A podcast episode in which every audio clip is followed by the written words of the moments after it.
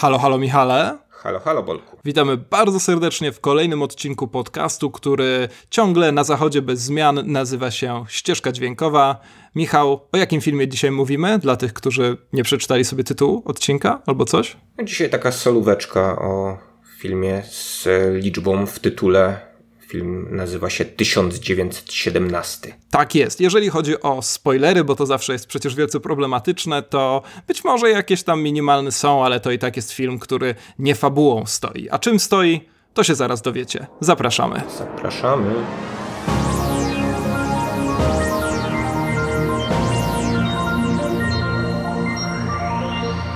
1917 to nowy film Sama Mendesa, który w tym momencie chyba jest głównym kandydatem, jeśli chodzi o najlepszego Oscara, to znaczy Oscara w najważniejszej, Oscara w najważniejszej, Oscara w, historii. w najważniejszej kategorii w tym roku. Będzie. I zaraz sobie opowiemy o tym, czy się, czy się z, tym, y, z, tym, z tym zgadzamy, że Bukmacherowie tak wysoko y, te, ten film w swoich, w swoich typowaniach E, typowaniach mają. Tak, tak, tak. Jakie twoje odczucia były po, e, po tym filmie? Bo widziałem, że zdążyłeś już nawet na naszego e, fanpage'a wrzucić taką śmiesznostkę z nim związaną, ale nie wiem, czy się pod nią podpisujesz, czy to miało być tylko no Śmichy, chichy i humorki, tak jest, tym stoi nasz e, popularny fanpage. E, no ja podzieliłem się e, zarówno na Filmwebie, gdzie naprawdę bardzo rzadko cokolwiek wypisuję, jak i na Facebooku, tylko takim spostrzeżeniem, które jak później się zorientowałem, powraca w wielu recenzjach, więc nie jest to e, niestety nic nadzwyczajnego, ale faktem, że ten film rzeczywiście niezwykle kojarzy się ze współczesnymi grami wideo i kiedy ja go oglądałem, no to rzeczywiście w pewnych momentach wyobrażałem sobie, że ściskam w moich czerwonych dłoniach pada do gry, no i tam e, macham sobie joystickiem, duszę sobie X e, od czasu do czasu, no i czekam na te tak zwane quick time eventy, gdzie wyświetla mi się, który guzik mam nacisnąć, żeby uniknąć na przykład, no nie wiem, rozbijającego się samolotu, dajmy na to. No ale to nie jest oczywiście kwestia oceny tego filmu. Jeżeli chodzi o to, jakie on na mnie robił wrażenie, no to pewnie będzie się to rozwijać gdzieś tam w ciągu kilkunastu, czy kilkudziesięciu, czy kilkuset najbliższych minut, kiedy będziemy o nim mówić. Może uda nam się o nim opowiadać okrągłe 1917 minut. To by było nowe osiągnięcie tego podcastu. No powiedziałeś mi wcześniej, że to się nie uda, tak? Bo nie, nie chce ci się montować aż tylu minut. E, tak, to prawda. No tutaj, prawda, nie wszyscy wiedzą, że nasz podcast jest e, tak zręcznie zmontowany jak film 1917, to znaczy jest dużo montowania, ale wszystko wydaje się e, jednym, albo w przypadku tego, jak w przypadku tego filmu dwoma rzeczywiście sprawnymi ujęciami. Więc muszę przyznać, że film mi się hmm, powiem w taki banalny sposób, ale podobał, choć daleko mi do tych wszystkich zachwytów, e, które rzeczywiście dobiegają z różnych e, fragmentów czasoprzestrzeni, gdzie rzeczywiście mówi się, że 1917 to jest skończone arcydzieło, epicki film, który mówi nam wszystko, co powinniśmy wiedzieć o wojnie i tak dalej. E, sam osobiście nie życzę mu Oscara, Oscara chyba jednak ciągle życzę mm, filmowi pewnego, przepraszam, dawno, nie, pewnego razu w Hollywood, ciągle, ciągle mylę tę polską wersję. Niemniej no 1917 to jest rzeczywiście osiągnięcie, na pewno na tym poziomie technicznym. No czy to wystarczy, no to pewnie zaraz się, się rozgadamy, ale na pewno nie mam do tego też tak radykalnie negatywnego podejścia, jak wielu moich znajomych, którzy opowiadają o tym, że jest to film po prostu nieuczciwy i niemoralny, choć rozumiem takie podejście, sam czasami lubię moralniaka strzelać przy recenzowaniu filmów, e, ale tutaj myślę pojawi się dużo innych kwestii. A ty Michał, jak tam, powalony przez 1917? Powalone może nie. E, do oceny moralnej sobie przejdziemy. Zaczniemy pewnie od oceny właśnie technicznej, tak? Bo to jest coś, co się rzuca w przypadku tego filmu e, w oczy najmocniej. E, no, pewnie większość słuchaczy dużo już wie o tym filmie, no bo dużo się o nim mówi z racji tych wszystkich nagród, które już zdobył i które potencjalnie zdobyć może, ale powiedzmy sobie na wstępie, że podstawą była tutaj opowieść e, wojenna e, snuta przez dziadka samego reżysera. W związku z tym Sam Mendes. Samego sama. Sam Mendes przystąpił także do prac scenariopisarskich, co mu się wcześniej specjalnie nie zdarzało. Mm, no i... Tu zresztą we współpracy z panią, którego nazwiska niestety sobie nie zapisałem, ale. No to zaraz sobie zgooglujesz, tak, żeby dla porządku tutaj, tutaj było na naszej ścieżce dźwiękowej. Natomiast no, sama, sama koncepcja jest oczywiście no, zamachem na osiągnięcie techniczne, to znaczy zrobienie właśnie filmu w jednym ujęciu, jakkolwiek jest to jednak właśnie takie fałszywe jedno ujęcie. Dwa ujęcia.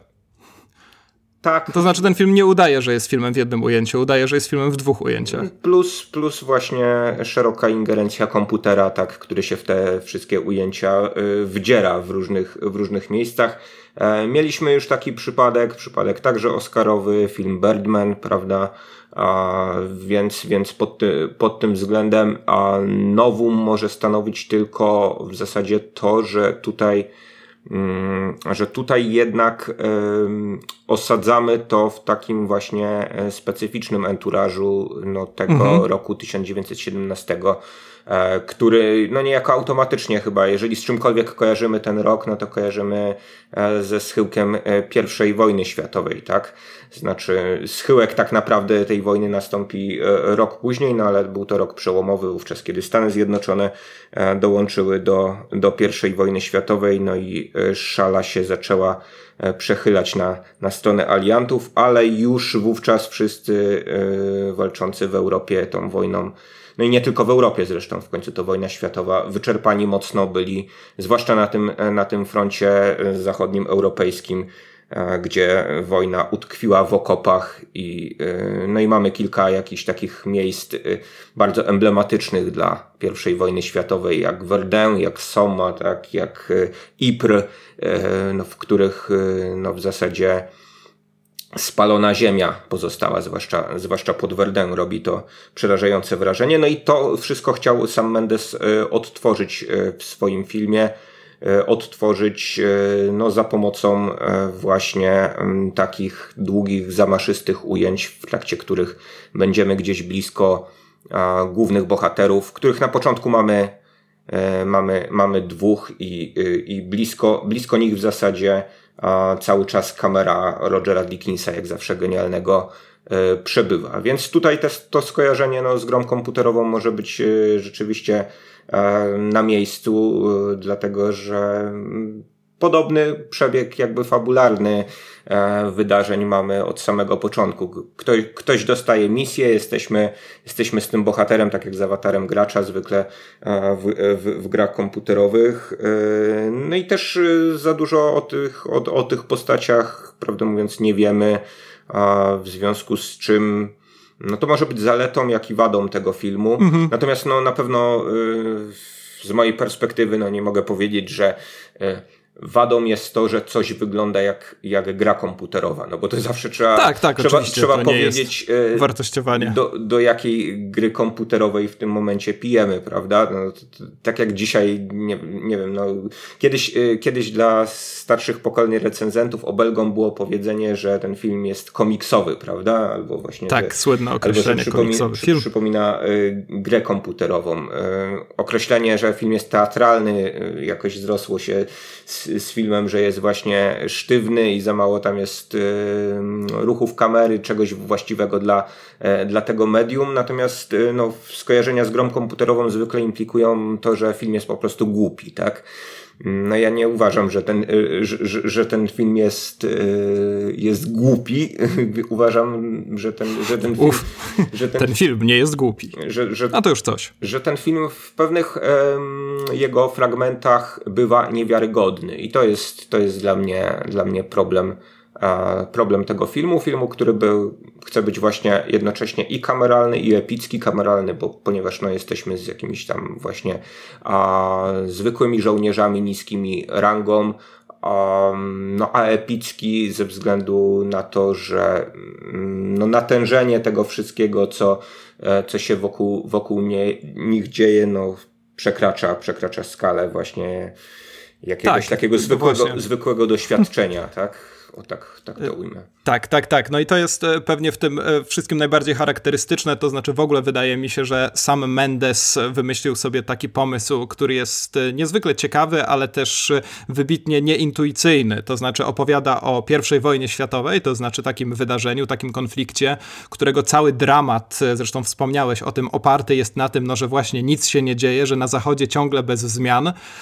Mamy okres I wojny światowej, który tak naprawdę totalnie przeformułował to, jak ludzkość sama sobie opowiada o wojnach. No, pierwsza wojna światowa to chociażby był wielki kryzys malarstwa, gdzie nagle artyści zorientowali się, że te wszystkie epickie pojedynki piechoty, ludzi na koniach, czyli kawalerii i tak dalej, zderzających się z tym okrzykiem na ustach, gdzieś tam jednocześnie na płótnie, no tak naprawdę ten, ten język wizualny znany i oswojony nijak nie pasuje do opowiadania o I wojnie światowej. No i tutaj sam Mendes właśnie bierze ten sam anturaż, jak wspomniałeś, ale jednocześnie opowiada w taki niezwykle kinetyczny sposób, gdzie no cała fabuła tak naprawdę oparta jest na tym, żeby się przemieścić z punktu A do punktu Z. No i jednocześnie do tego mamy jeszcze tę kamerę, która tam lata wszędzie obok i e, jest to rzeczywiście no, taki pomysł e, zupełnie, jak mi się wydaje, nieintuicyjny, e, ale jednocześnie no, jest tam powiedzmy jakaś rzeczywiście nowa perspektywa. Ja kiedy myślę o I wojnie światowej, to z jakiegoś powodu głównie wracam do wspomnień Wittgensteina, który, a widzisz, już pierwszy raz się pojawił Wittgenstein w tym podcaście, niesamowite, który w okopach pierwszych tak, tak. O kopach I wojny światowej ponoć robił e, dwie rzeczy, to znaczy e, pisał traktat logiczno-filozoficzny, swoje jedno z najsłynniejszych dzieł, e, a kiedy akurat nie pisał, to się masturbował. I to może nie oddaje grozy I wojny światowej, o której będziemy sobie jeszcze rozmawiać, ale idealnie oddaje to, że tam no rzeczywiście strzelali, czy nadziewali się na bagnety, to tak naprawdę tylko i wyłącznie od czasu do czasu. I co ciekawe, sam Mendes nakręcił już taki film o żołnierzu, który czyta filozofów, a konkretnie Y, a w chwilach dojmującej nudy głównie się masturbuje. I jest to film Jarhead a konkretnie Jarhead, żołnierz piechoty morskiej, bo taki nosił, o ile dobrze pamiętam, z tygodnika, przepraszam, miesięcznika nieżyjącego już film, e, taki nosił polski tytuł Jarhead.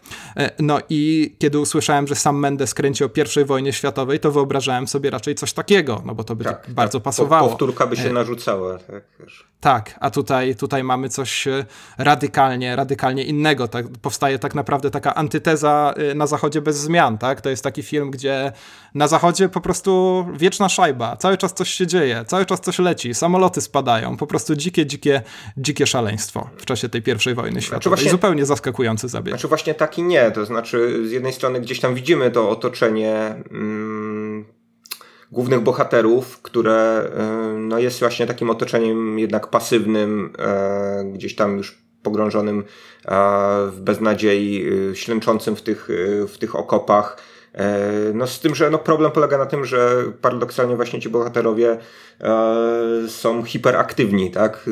No, są, tak jak powiedziałeś, tak. właśnie, właśnie w ciągu... No, cały czas biegają, kucają, czołgają się, uch!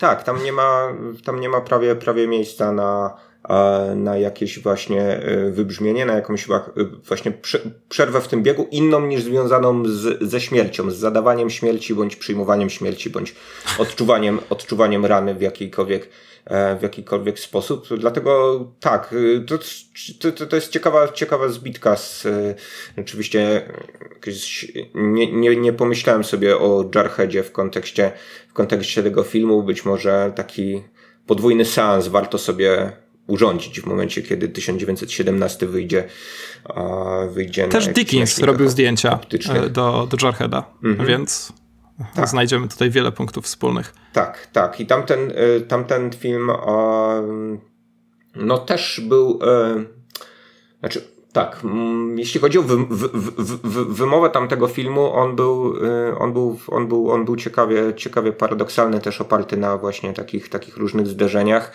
E, pamiętam, mm, pamiętam z tamtego, z tamtego filmu, jak w opozycyjny sposób na przykład e, żołnierze E, no, stacjonujący właśnie na, e, na pustyni, czekający na jakąkolwiek misję, ale generalnie śmiertelnie się nudzący, e, no jak entuzjastycznie odbierali um, szarże kawalerii powietrznej z czasu apokalipsy, tak? Tak, tak, tak. Czyli, czyli... Tu w ogóle jeszcze jedno porównanie do czasu apokalipsy mi się narzuca, ale to, ale to zaraz albo mhm. później. E, czyli e, sam Mendes no, był skłonny opowiadać o pewnych, e, pewnych paradoksach wojny już wówczas i wydaje mi się, że w tym filmie także to mamy, no bo jest tutaj, jest tutaj jakieś właśnie takie spięcie pomiędzy heroicznymi czynami dokonywanymi trochę na przekór sobie, a, no, a tym właśnie, tym właśnie otoczeniem, które które właśnie mijają główni bohaterowie w tej, podczas, podczas tej swojej misji.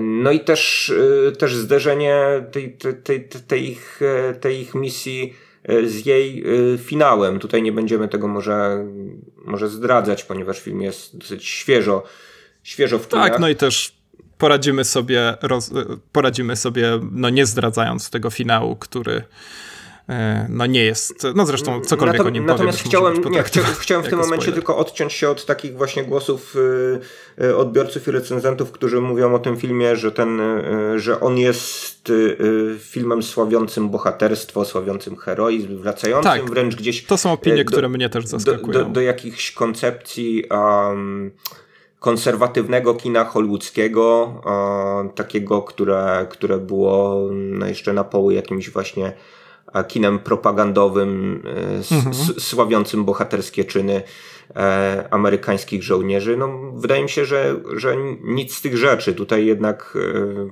początek chociażby tego filmu już jakby nakreśla nam to, na, jakie, na jakim tle rozgrywa się mm, jego akcja, to, to, że tak naprawdę dookoła tych żołnierzy sturpizm, zgnilizna, ziemia jałowa, tak? Oni mają przejść przez ziemię niczyją, no ale jest to ziemia jałowa, tak? To są, to są, to są obrazki, które, które warto, warto zobaczyć, bo mm, no one, one mają niewiele wspólnego często z takimi, z takimi właśnie E, muzealnymi obrazami tego, jak romantycznie wygląda e, starcie, starcie dwóch armii. Powiedziałeś wcześniej, że ten romantyzm się gdzieś właśnie zatracił w I wojnie światowej, no ale wiel, właśnie wielką tragedią I wojny światowej było, było to, że mm, duża część żołnierzy biorących w niej udział w taki romantyzm walki wierzyła i no to, to, to też prowadziło ich E,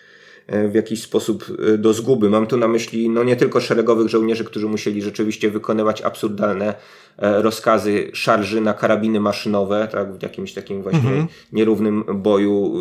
Nie wiem, przesuwali w front, jeśli już to, to o jak, jakąś, jakieś nieznaczące odległości, ale no także jeśli chodzi o głównodowodzących, którym wydawało się, że właśnie mogą, mogą prowadzić wojnę w tym, w tym starym stylu, a w zetknięciu z nowymi wytworami techniki, właśnie takimi jak te karabiny maszynowe, jak artyleria, no ich koncepcje, ich koncepcje strategiczne czy taktyczne no nie, miały, nie miały totalnie racji bytu i ta zupełnie spalona do szczętu ziemia pod Werdę z jakimiś pojedynczymi kikutami drzew E, i wielkimi kraterami po, mm, po pociskach, no jest jakimś takim najlepszym, najlepszym dowodem na to, mm, tak, jak ten tak, romantyzm tak. Został, został pogrzebany. To zresztą e, no jakoś dobrze, e, do, dobrze jest od, odczuwalne, tak, w, w, no, w różnych wypowiedziach spisywanych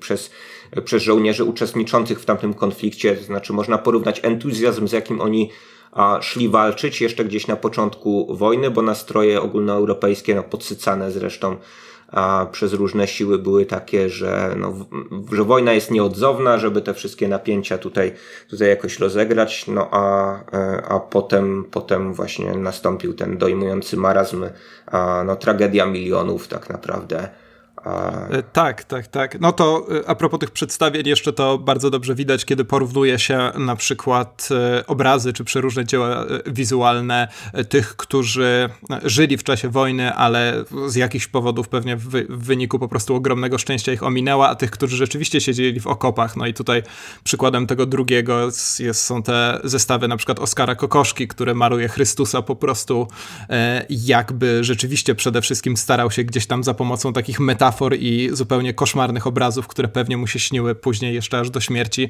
przedstawić tę grozę wojny. No i e, poniekąd to rzeczywiście od czasu do czasu gdzieś tam w 1917 miga, choć teraz jak o tym myślę, to może trochę żałuję, że jest tam zbyt dużo scen tak e, perfekcyjnie wyestetyzowanych, tak doskonale zblokowanych, że raczej tym się zachwycamy niż rzeczywiście ta e, groza wojna, wojny, chociażby w duchu tych artystów związanych z ekspresjonizmem niemieckim e, że, że rzeczywiście nie, nie idzie to w tę stronę. No, ale to już nie, będę czepiał się tego, jaką wizję mhm. wymyślili jeśli chodzi, sobie jeśli, twórcy. Nie, no to czepiać się możesz jak najbardziej, no to właśnie takich rzeczy. Nie, nie, chodzi mi, chodzi mi raczej o to, że mm, ej, tak by było lepiej. No, mhm. oni stwierdzili, że nie, no i ja pracuję na tym, co oni zrobili, no.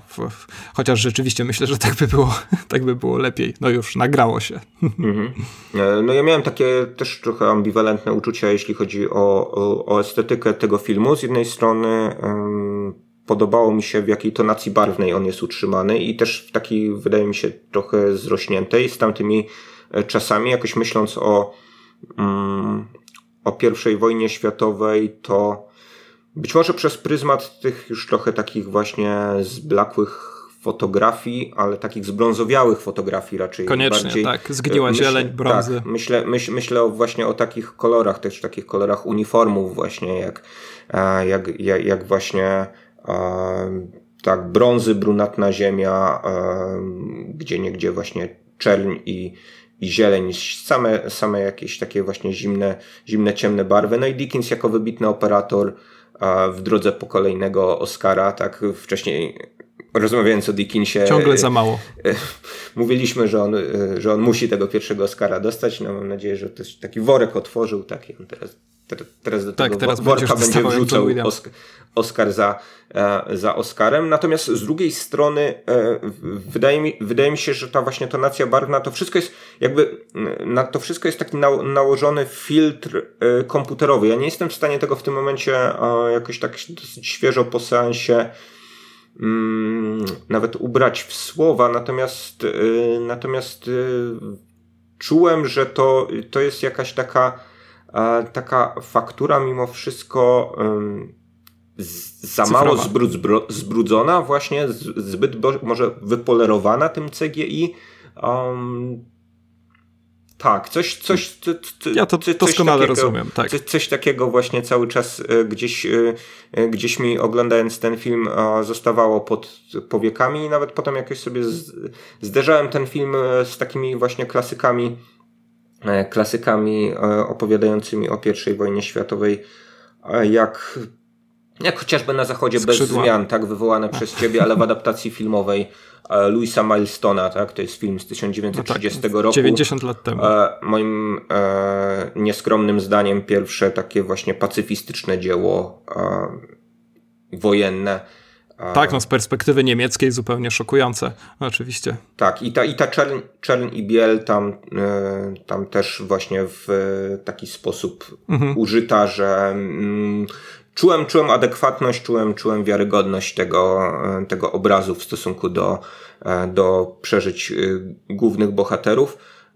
No w przypadku 1917 mm, no wydawało, wydawało mi się, że rzeczywiście, rzeczywiście trudno to mówić o estetyzacji. Estetyzacja jest no, moim zdaniem jakimś takim złym słowem na, na to, co się, co się dzieje w tym filmie, dlatego że przecież no są, so, są tu sceny właśnie z y, trupami, są tu sceny z w których no można jakoś tam wręcz poczuć y, jakiś taki fetor, tak, czy ohydę tego, te, te, tego świata dookoła mhm. bohaterów, y, ale z drugiej, z, z drugiej strony jednak, jednak czułem, być może to jest, to jest kwestia tego, że nawet oglądałem ten film w IMAXie i że, że ten obraz był tak doskonały, tak perfekcyjny, tak, y, tak, ja w Atlantiku. Tak, tak, tak właśnie wyostrzony. Mm, może to właśnie, właśnie świadczy, że, że, że, że jakoś podświadomie domagałem się czegoś, y, czegoś co bardziej oddawałoby brud i, i wstręt tej wojny.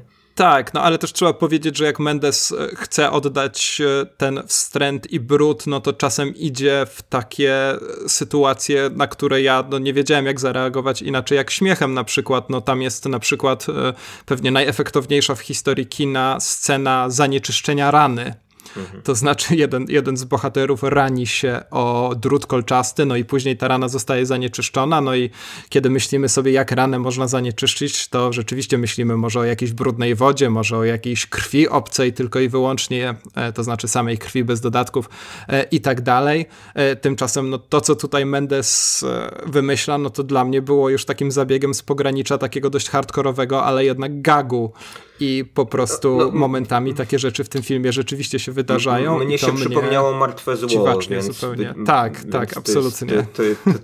To jest, tego typu skojarzenie, to, ale to wciąż wciąż właśnie robi wrażenie. To jest kolejny jakiś taki paradoks tego filmu. To znaczy na mnie, na, mhm. na mnie przynajmniej, że to jest, że to może być, um, tak jak mówisz, wręcz śmieszne, w tak, taki turpistycznym, czarnym, czarnym humorem e, śmieszne, natomiast e, na za moment przychodzi właśnie ta refleksja, jakiegoś skrzywienie takie właśnie, że że to jest prawdopodobna sytuacja mimo wszystko. To znaczy. No, oczywiście. Gdzieś... Choć tam akurat jest to tak wycyrklowane, że wręcz trudno w to uwierzyć, ale tak, jak najbardziej ciągle jest to mimo wszystko Obecność szczurów w, w, w określonych punktach, tak, które wyskakują tak, strategiczne z ciał, rozmieszczenie tak, szczurów. Czy, czy, czy, po, czy, pojawiające się właśnie w określonych, w określonych scenach. Tak, to, to, to, to, to, to wszystko mm, jest zarazem takie, że budzi podziw co do matematycznej precyzji tego filmu, a z drugiej strony sprawia, że czuję, że ten film jest właśnie nazbyt precyzyjny, nazbyt wypolerowany, nazbyt zaplanowany e, w tych konkretnych, e, konkretnych scenach. E, ale to jest, to jest początkowa faza filmu, w której, w której to mnie jakoś specjalnie nie raziło, ponieważ jednak zanurzenie w, ty, w tym świecie było dla mnie dosyć dosyć mocne, natomiast, natomiast problem mam no, z, drugą, z drugą połową tego filmu, mhm. która wydaje mi się już właśnie mocno niewiarygodna pod względem różnych no, takich heroicznych popisów, które są. I zbiegów okoliczności. Tak, które są, które są domeną, domeną głównego bohatera. najpierw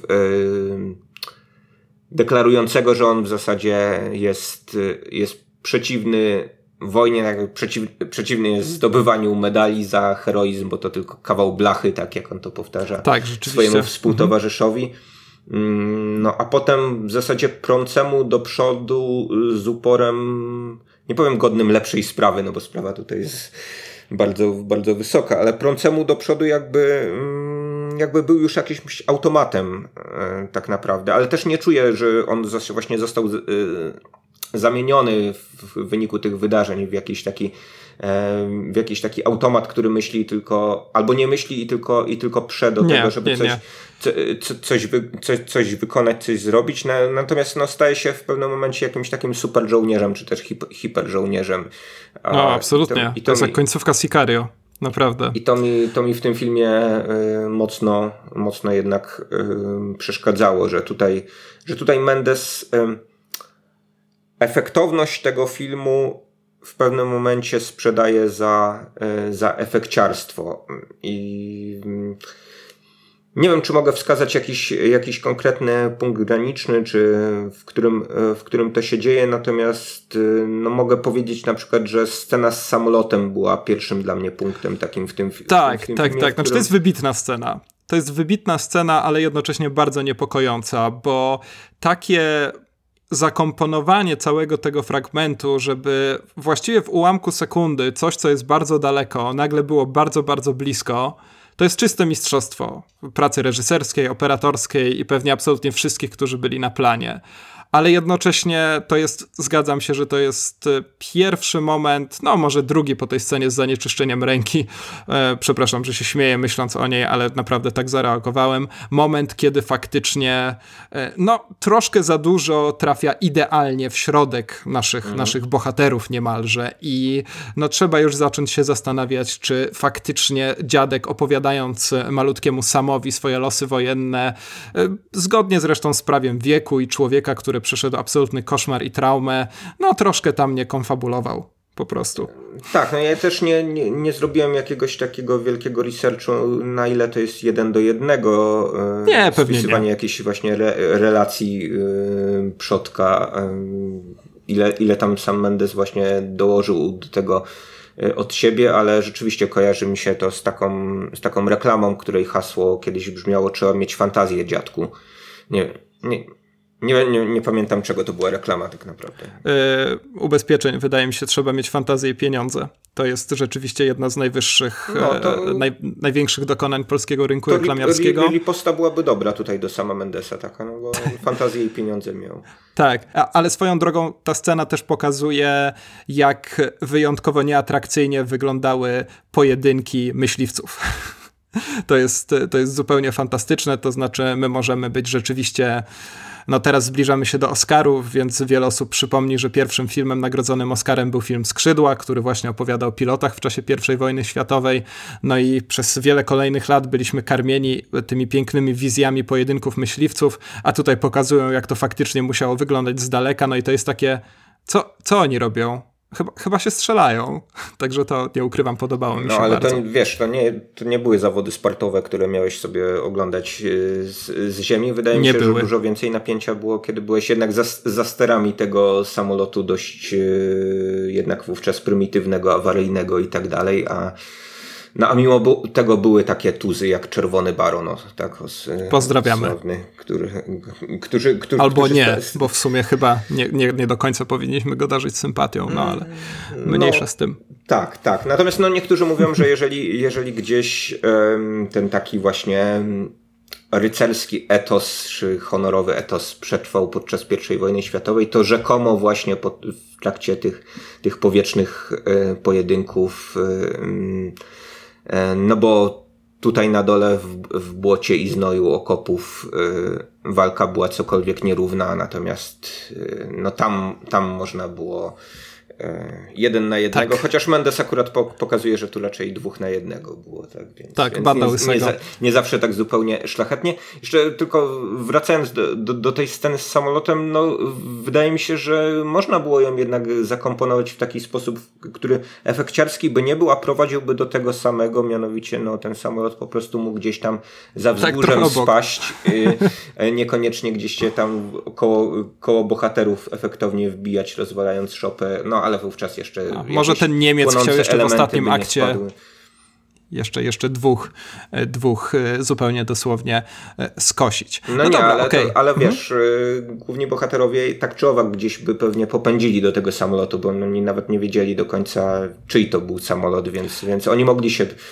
do niego przemieścić, niekoniecznie on musiał, musiał tutaj wpaść no, w taki sposób, który, który kojarzył mi się z ogrywaniem technologii 3D na początku. Co prawda ten film właśnie w 3D nie jest, natomiast y, wygląda to, to ujęcie tak, jak, tak, tak jakby miało być realizowane tak, w 3D, ponieważ e, wówczas to twórcy no, uważali, że te wszystkie właśnie e, kamienie, dzidy i tak dalej powinny, powinny lecieć, w, lecieć w, stronę, w stronę widza, żeby, nie wiem, umknął on z fotela, tak jak e, w tej miejskiej legendzie tak o, o Paryżanach umykających przed pociągiem wjeżdżającym na stację w La Ciotat. Tak. Kamienie, dzidy i samoloty, trzy najlepsze rzeczy, jakie wymyślił człowiek. Słuchaj, e, wspomniałeś o mm, problemie e, z bohaterami, którzy, o których e, rzeczywiście niewiele wiemy, a którzy nagle zaczynają no, objawiać takie zupełnie nadludzkie cechy. To jest rzeczywiście dość duży problem tego filmu, choć bardzo łatwo rozkodować, co tutaj Mendes sobie wymyślił. To zresztą też wynika z wywiadów z nim, jakich sobie posłuchałem, przygotowując się do tego odcinka. No i tam faktycznie takie było założenie, żebyśmy mieli tylko takie fragmenty ekspozycji pozycji, żebyśmy czegoś dowiadywali się o nich przy okazji i tak dalej. E, I no, dotyczy to rzeczywiście chyba w większym stopniu tego bohatera granego przez Chapmana, podczas gdy w przypadku bohatera granego przez McKaya strategia jest taka, żeby no niemal w ostatnim ujęciu dopiero odsłonić nam coś, ale jest to coś, czego myślę wszyscy absolutnie się spodziewamy, więc chyba zdecydowanie więcej i bardziej niż taką strategię ceniłbym sobie po prostu ciekawszy portret tych postaci. No to oczywiście jest takie założenie, że skoro mamy film o biegających ludziach, to oni się mają wyrażać przede wszystkim w swoich czynach. Tutaj chociażby ten epizod, zresztą chyba najsłabszy w całym filmie z wręczaniem mleka E, dziecku i dziewczynie, której przyszło się temu dziecku, e, przyszło się nad tym dzieckiem opiekować. E, no, niemniej rzeczywiście nie wystarcza to, żeby ani się tymi bohaterami jakoś nadzwyczaj przejąć, ani żeby faktycznie uwierzyć w szereg tych zachowań. Oni się mają nimi definiować właśnie, przedstawiać się nam, widzom, ale jednocześnie no ja bym chciał, żeby jeszcze coś wcześniej się wydarzyło, co pozwoli mi w to uwierzyć, więc zgadzam tym, się, że jest to pro, przestrzelony pomysł. Tę scenę, o której mówisz właśnie z matką, z no jak możemy się domyślać, osieroconym dzieckiem, tak? No, tak, wkracza, tak, tak. wkracza właśnie jakiś taki symbolizm mocny z trochę symbolizm z, mocny. Z, z, innej, z innej parafii. No tak, no bo tu mamy wie, właśnie tę, e, tę jedyną kobietę, prawda, w tym, w tym mieście opuszczonym e, już, to znaczy tak naprawdę gdzieś tam przez, e, przez pojedynczych żołnierzy okupywanym. Z drugiej strony właśnie no, symbolika, że jest, jest dziecko, mleko na następne pokolenie e, i gdzieś, gdzieś jakiś, jakiś element życia, tak, pośród tej, e, tej całej śmierci wokół, wokół bohaterów. No wydaje mi się to jakieś takie, takie, takie bardzo, bardzo nachalnie dopisane do, e, do tego, do tego filmu. No a z drugiej strony wywołałeś wywołałeś to, że właśnie bohater w pewnym momencie się e, przekształca w biegacza. Ja przypomnę, że mieliśmy o I wojnie światowej e, wybitny moim zdaniem film Petera Weira Gallipoli. E, nie wiem, czy widziałeś z, no tak, z, z młodym Melem Gibsonem. Gibsonem tak. To jest rok 1981, no i wówczas to Peter Weir jakoś też po pierwsze od początku po, podprowadzał to, że że tam też mieliśmy dwóch bohaterów, że obaj, obaj są biegaczami, startują w takich zawodach e, w Australii, a potem na ten półwysep, który stał się no, symbolem też właśnie przelanej przez Australijczyków, zwłaszcza krwi podczas I wojny światowej, trafiają, no i tam stają. Jeden z nich staje się takim właśnie straceńczym gońcem, który, który musi, musi dostarczyć tę wiadomość. Podobnie jak tutaj e, o o odwołaniu e, rozkazu ataku. No ale wydaje mi się to wszystko ograne po pierwsze dużo, dużo wiarygodniej, po drugie, e, znaczy nie powiem bez patosu, ale bez właśnie jakiejś takiej, takiej heroizacji, którą tu u Mendesa już znajdowałem gdzieś na poziomie właśnie filmów e, Mela Gibsona, nie Mela Gibsona aktora, tylko Mela Gibsona e, reżysera, w których wszystko tak, już reżysera musi przełęcza tak, ocalonych. W których wszystko już musi właśnie efektownie e, wylatywać w powietrze wokół, wokół bohaterów i nawet jeżeli oni mm, oni są pacyfistami w, mhm. z wyboru, tak, na, z takimi, takimi skrajnymi, którzy deklarują, że nie wezmą broni do ręki, jak główny bohater przełęczy ocalonych, no to jednak, jednak koniec końców y, wokół nich y, musi się dziać bardzo, y, bardzo wiele. Nie wiem dlaczego, dlaczego sam Mendes zdecydował się na aż takie podkręcenie. Powiedziałbym emocji, tak, no bo to miało niby podkręcać emocje, ale z drugiej strony właśnie we mnie emocje coraz bardziej, coraz bardziej gasiło to, gdy, gdy patrzyłem już na to, że właśnie główny bohater staje się super skoczkiem, super biegaczem. Super takim, pływakiem.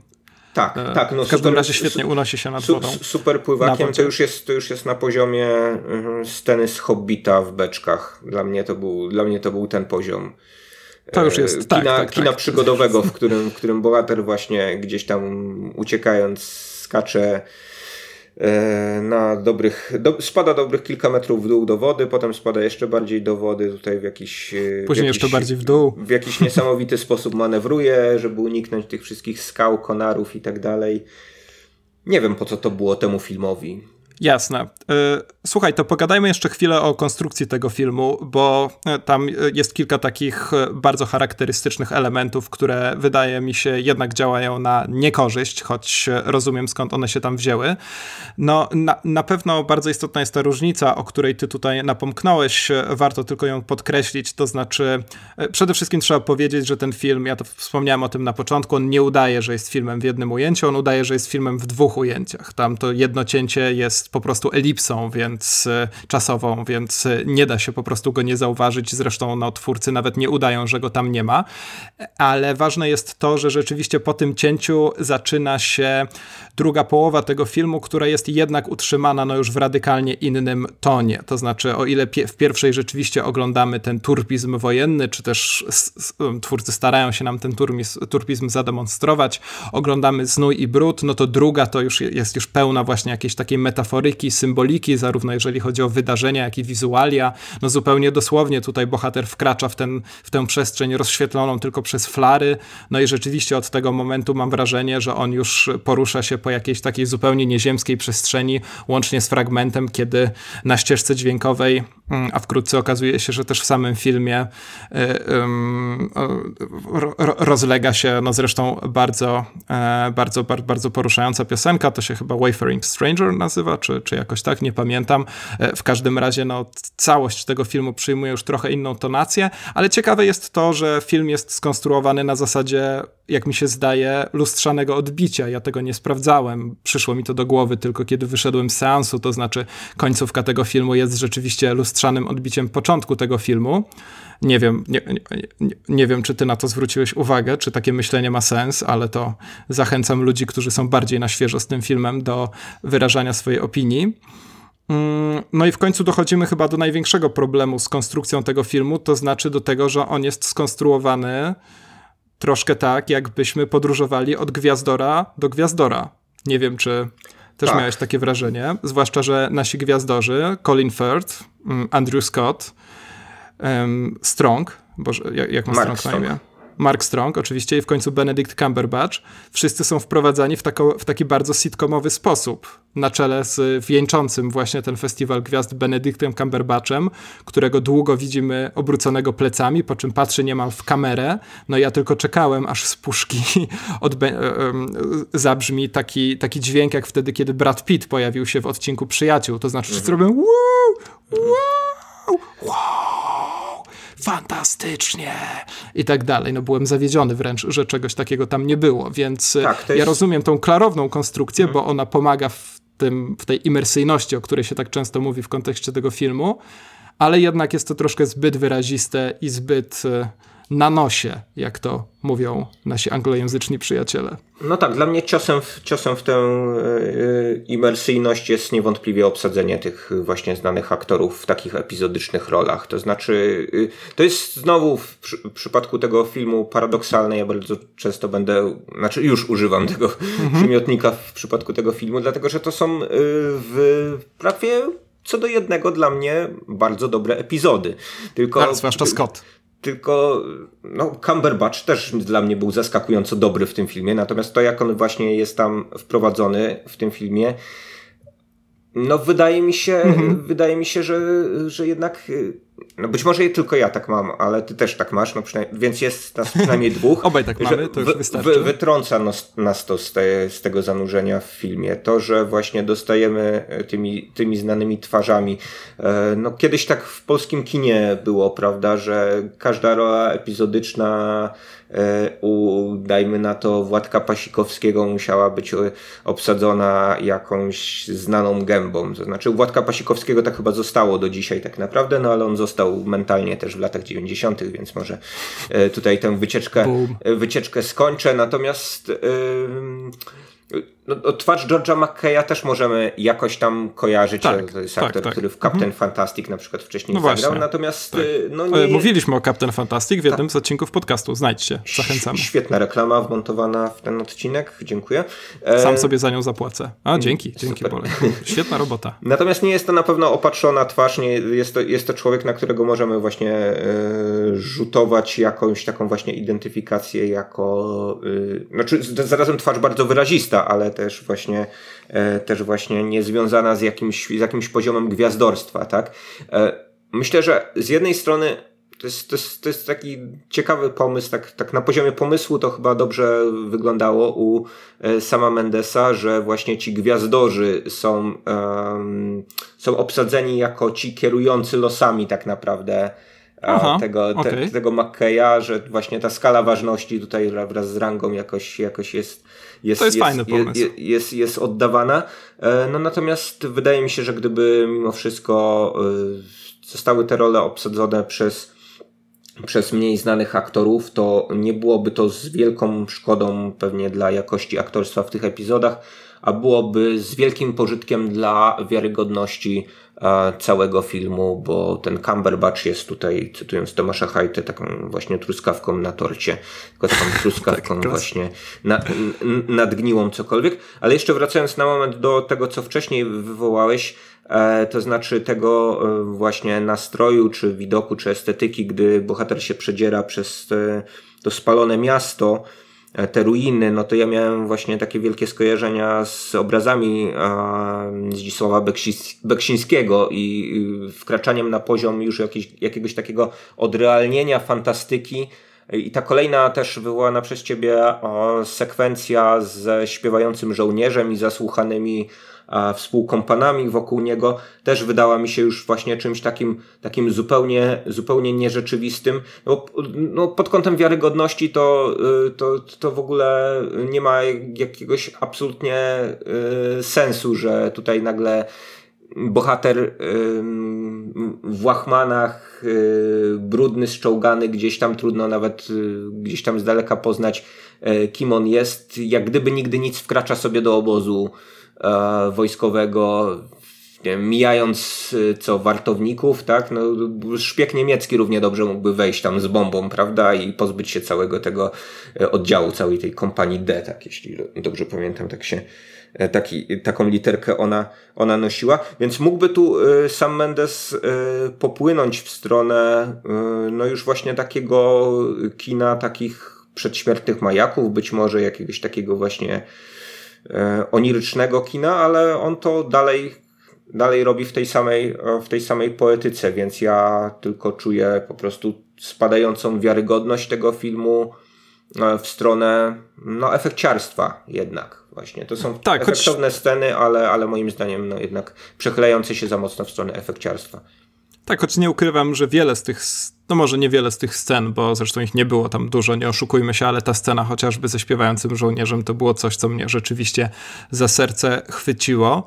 E, słuchaj, Michał, to jak ty oceniasz w rezultacie to e, film, który składa się z iluś tam mniej więcej 8-minutowych ujęć, no a udaje rzeczywiście dwa ujęcia. E, jak ci się to oglądało? Czy rzeczywiście ta chwalona wszem i wobec, i wobec imersyjność na ciebie zadziałała, czy może coś zupełnie innego tam ci się w mózgu podziało? No, ja przeżyłem bardzo ciekawą podróż, podczas której właśnie zanurzałem się w tym filmie i z niego wypływałem, więc trochę to było tak jak ten, ten, ten bohater płynący tam z nurtem, prawda? Że co, tu łapałeś co, powietrze, tak nagle. Co, to znaczy, co jakiś czas widziałem te płatki, e, płatki e, owocowych drzew, e, kwiatów owocowych drzew gdzieś tam tak. właśnie tak. e, wibrujące w, w, tym filmie i wtedy się łapałem na tym, oho, a to jednak, to jednak film taki właśnie, w którym Dickens robi zdjęcia i ktoś sobie tutaj tak, tak zaplanował e, tę scenę. Chciałbym po prostu całym sobą wejść w ten film, ale nie, no nie potrafiłem e, niestety. Na, natomiast no bardzo doceniam te momenty, w których to temu filmowi się e, udawało i zwłaszcza w pierwszej jego partii takich, takich momentów było, było dosyć sporo.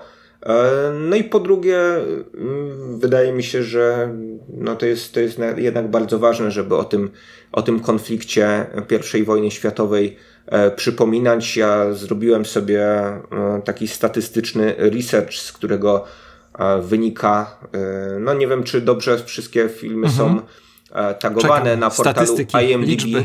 Natomiast mhm. E, portal IMDb podaje 1975 tytułów o I wojnie światowej i 6907 no tak. tytułów o e, II wojnie światowej. I ten drugi konflikt oczywiście bliższy nam, no także z perspektywy, mm, z perspektywy Polski, prawda? To wówczas, wówczas, e, wówczas byliśmy efekt, już. Efekt, więc. Tak, byliśmy na mapie, no, efekt, efekt właśnie historycznego mówienia o, o tym konflikcie jako konflikcie ważnym z perspektywy Polski um, też, jest, też jest istotny, no ale z perspektywy właśnie całego świata um, obrazy II wojny światowej są jednak y, gdzieś tam mocniej zakorzenione w pamięci. I mm, no my mamy jakieś tam właśnie takie skojarzenia malarskie czy filmowe z pojedynczymi filmami na temat I wojny światowej, natomiast warto przypominać, że był to, był to równie tragiczny pod wieloma względami a konflikt no, obejmujący wielu ludzi na, na, na, na, na, na całym mhm. globie i w zasadzie no w zasadzie taki, taki, te, taki konflikt, który też w jakiś sposób był konfliktem niepowtarzalnym, zwłaszcza, zwłaszcza z poziomu tego właśnie takiego estetyczno-technologicznego, o którym wspominaliśmy. E, tak, jakkolwiek e, pokracznie to brzmi, e, no to, no, to, no to jasne, wiem o co chodzi. Ja tylko powiem, nawiązując i odpowiadając na moje własne pytanie o kamerę, że ja nie lubię tego zabiegu, powiem to otwarcie i szczerze. Nie powiem, żeby zepsuł mi przyjemność z oglądania, Mówisz ponieważ o ja... ujęciach generalnie? Tak, to, to znaczy mówię o filmie, który udaje dwa ujęcia, a konkretnie o filmie 1917, ponieważ bardzo często miałem wrażenie, że kamera rzeczywiście rozpaczliwie stara się po prostu znaleźć jakiś interesujący kąt, e, a do tego jeszcze doszło takie założenie, o którym też wyczytałem, że ta kamera nigdy nie mogłaby, nie może się cofać w przeciwnym kierunku niż e, szliby bohaterowie. Wiem, że to zabrzmiało absurdalnie, ale chodzi o to, żeby zawsze dawać to wrażenie, że rzeczywiście pędzimy, pędzimy, pędzimy. Jeżeli się ruszamy, to ruszamy się do przodu. No i nie ukrywam, że z ekranu e, wylewał się na mnie głównie taki wysiłek, żeby jeszcze jakoś ciekawiej ich ująć. E, zdecydowanie bardziej wolałbym film dużo klasycznie montowany, w którym od czasu do czasu mielibyśmy takie typowe Dickinsowskie, właśnie chciałoby się powiedzieć, sceny jak chociażby czy w Blade Runnerze, czy w Sicario, żeby sięgnąć tylko do tych ostatnich przykładów. E, myślę, że to zdecydowanie bardziej by mi się podobało, zwłaszcza, że no również nie byłem w stanie się w tym filmie zanurzyć. E, być może tutaj powodem było dwóch panów, no już w słusznym wieku, którzy co prawda siedzieli daleko ode mnie, ale uparcie cały czas gadali i efektowną e, scenę z flarami musiałem spędzić na przebijaniu się przez trzy czy cztery rzędy fotelu, fotelów kinowych, żeby poprosić tych panów, a żeby zamilkli łaskawie. E, niemniej, no ciągle, nawet mimo tych przeszkód, wydaje mi się, że taki film, e, gdzie tylko od czasu do czasu jakiś e, efektowny Dickens by wyprysnął, podobałby mi się bardziej. Co nie zmienia faktu, że 1917 to był dla mnie koniec końców seans raczej satysfakcjonujący. Dostrzegam te wszystkie wady, niemniej no, są tam momenty maestrii reżyserskiej i takich zabiegów dramaturgicznych, których dzisiaj stosuje się zdecydowanie za mało na czele z takim zabiegiem, że um, wiemy, że coś już ma się wydarzyć, wiemy, że wydarzy się dosłownie za kilka sekund i my jako widzowie unieruchomieni na sali kinowej nie jesteśmy w stanie nic z tym zrobić. Chodzi mi tutaj o scenę ze szczurem, że, po, że mhm. posłużę się takim kodem specjalnym, tajnym, więc to wszystko sprawiało, że jednak te dwie godziny w kinie przesiedziałem raczej z przyjemnością. No i taka ostatnia kwestia, o której też wspomniałeś, wspomniałeś o tym przypominaniu o konflikcie dramatycznym, przerażającym e, i rzeczywiście mm, takim, o którym się za mało opowiada, jakim była pierwsza wojna światowa, o, która jest też wybitnie niekinowym tematem, nie tylko dlatego, że rzeczywiście składała się głównie z ludzi, którzy w ohydny, okrutny sposób umierają zagazowani w okopach, ale też dlatego, że wytłumaczyć komuś, jak doszło do pierwszej wojny światowej, to jest ciężka robota. Nie to, co jakieś skróty myślowe dotyczące jednego psychopaty przy okazji II wojny światowej. E, no tutaj takim zarzutem, który się często pojawia, wspominałem, ty też wspominałeś, że dojdziemy w końcu do tych kwestii moralnych, jest to, czy rzeczywiście o takim dramacie można opowiadać w taki nadzwyczaj wykoncypowany, e, no właśnie być może nawet wyestetyzowany sposób.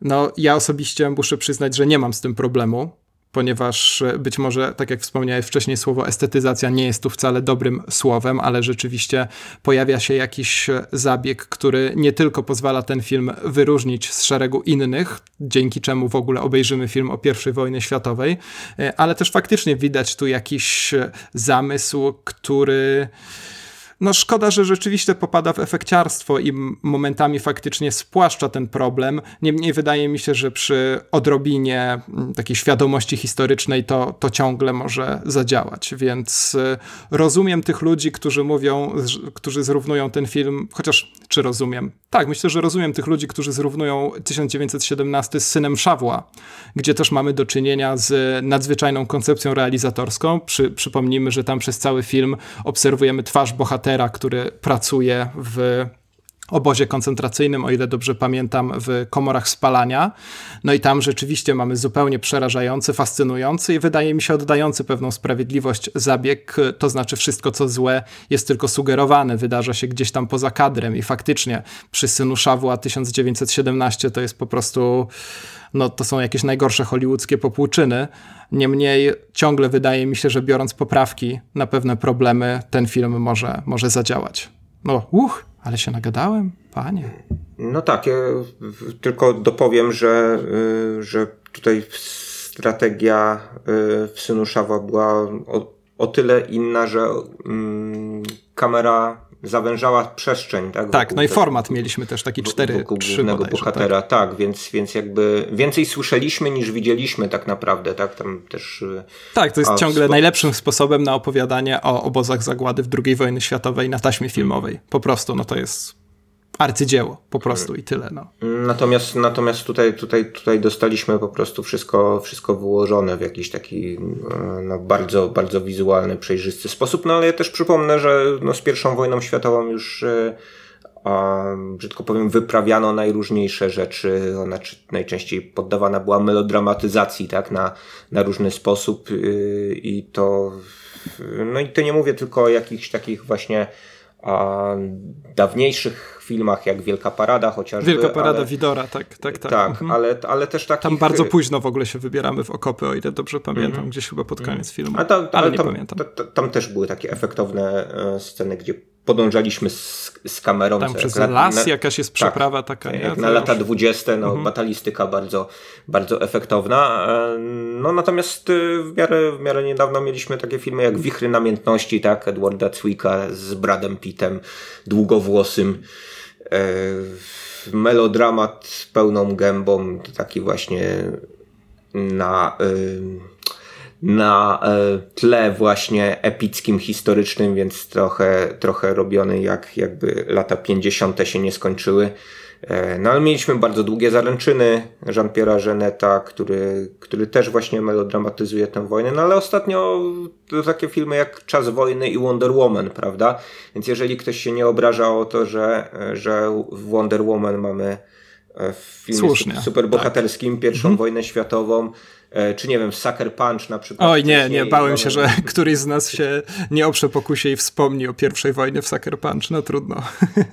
No jakby to jest, to jest e, coś, co, co, co wydaje mi się w jakiś sposób mimo wszystko naturalne, no, że, że, że, że wizualność pewnych doświadczeń a ważnych, ważnych z perspektywy ludzkości no, w różny sposób adaptuje także, także popkultura, więc e, jeżeli dla mnie E, dla mnie, mm, we mnie coś budzi pro, y, protest wewnętrzny pod, pod tym względem, no to raczej, raczej robienie filmu na modłę Spielbergowską, tak, czasu wojny, w którym mamy do czynienia z jakimś e, e, pancernym koniem, dziwnym zwierzakiem, tak. Y, wy, wyjętym trochę z jakby z innych fantastycznych wizji Spielberga i no i, w, i w kino familijne, przygodowe właśnie E, ma być, ma być tutaj zarazem u, e, u szacownego Stevena kinem, kinem przejmującym, wojennym,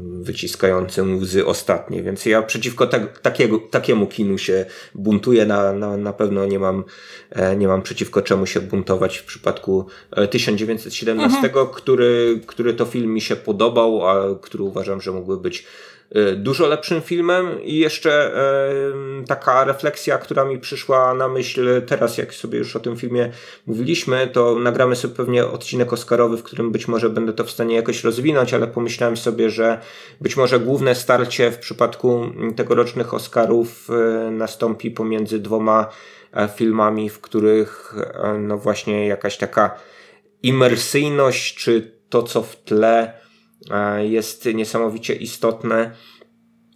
Ford versus Ferrari i Małe Kobietki? Mm, nie, mam na myśli ten film, który dzisiaj omawialiśmy i film Quentina Tarantino pewnego razu w Hollywood, który wcześniej, wcześniej wywołałeś, w którym też e, wiele zabiegów służy tak naprawdę temu, żebyśmy poczuli się tak, jak w, w czasach, o których e, opowiada. Mm, no ale Tarantino nie potrzebuje do tego długich ujęć i komputera, przynajmniej w tak. taki, na takim Potrzebuje poziomie, samochodu, rekreowanych ulic Los Angeles i ścieżki dźwiękowej. Dokładnie tak. Także dziękujemy bardzo za wysłuchanie tego, co mieliśmy do powiedzenia o 1917. No i zbliżamy się powoli do jubileuszowej 50. recenzji na aplowskich podcastach, więc e, zapraszamy do tego, żeby wziąć udział w celebracji i na przykład tę 50. recenzję wystawić. E, zapraszamy do tych wszystkich rzeczy związanych ze Spotify, Facebookiem i tak dalej. No i do tego, żebyście powiedzieli o tym podcaście jednej losowej osobie na ulicy. I co? I to chyba tyle, Michał, na dzisiaj. Wystarczy chyba tego. Chyba wystarczy. Sa sayonara, nie, żółwie. Powiedz jeszcze raz. Żółwie, sayonara. Cześć.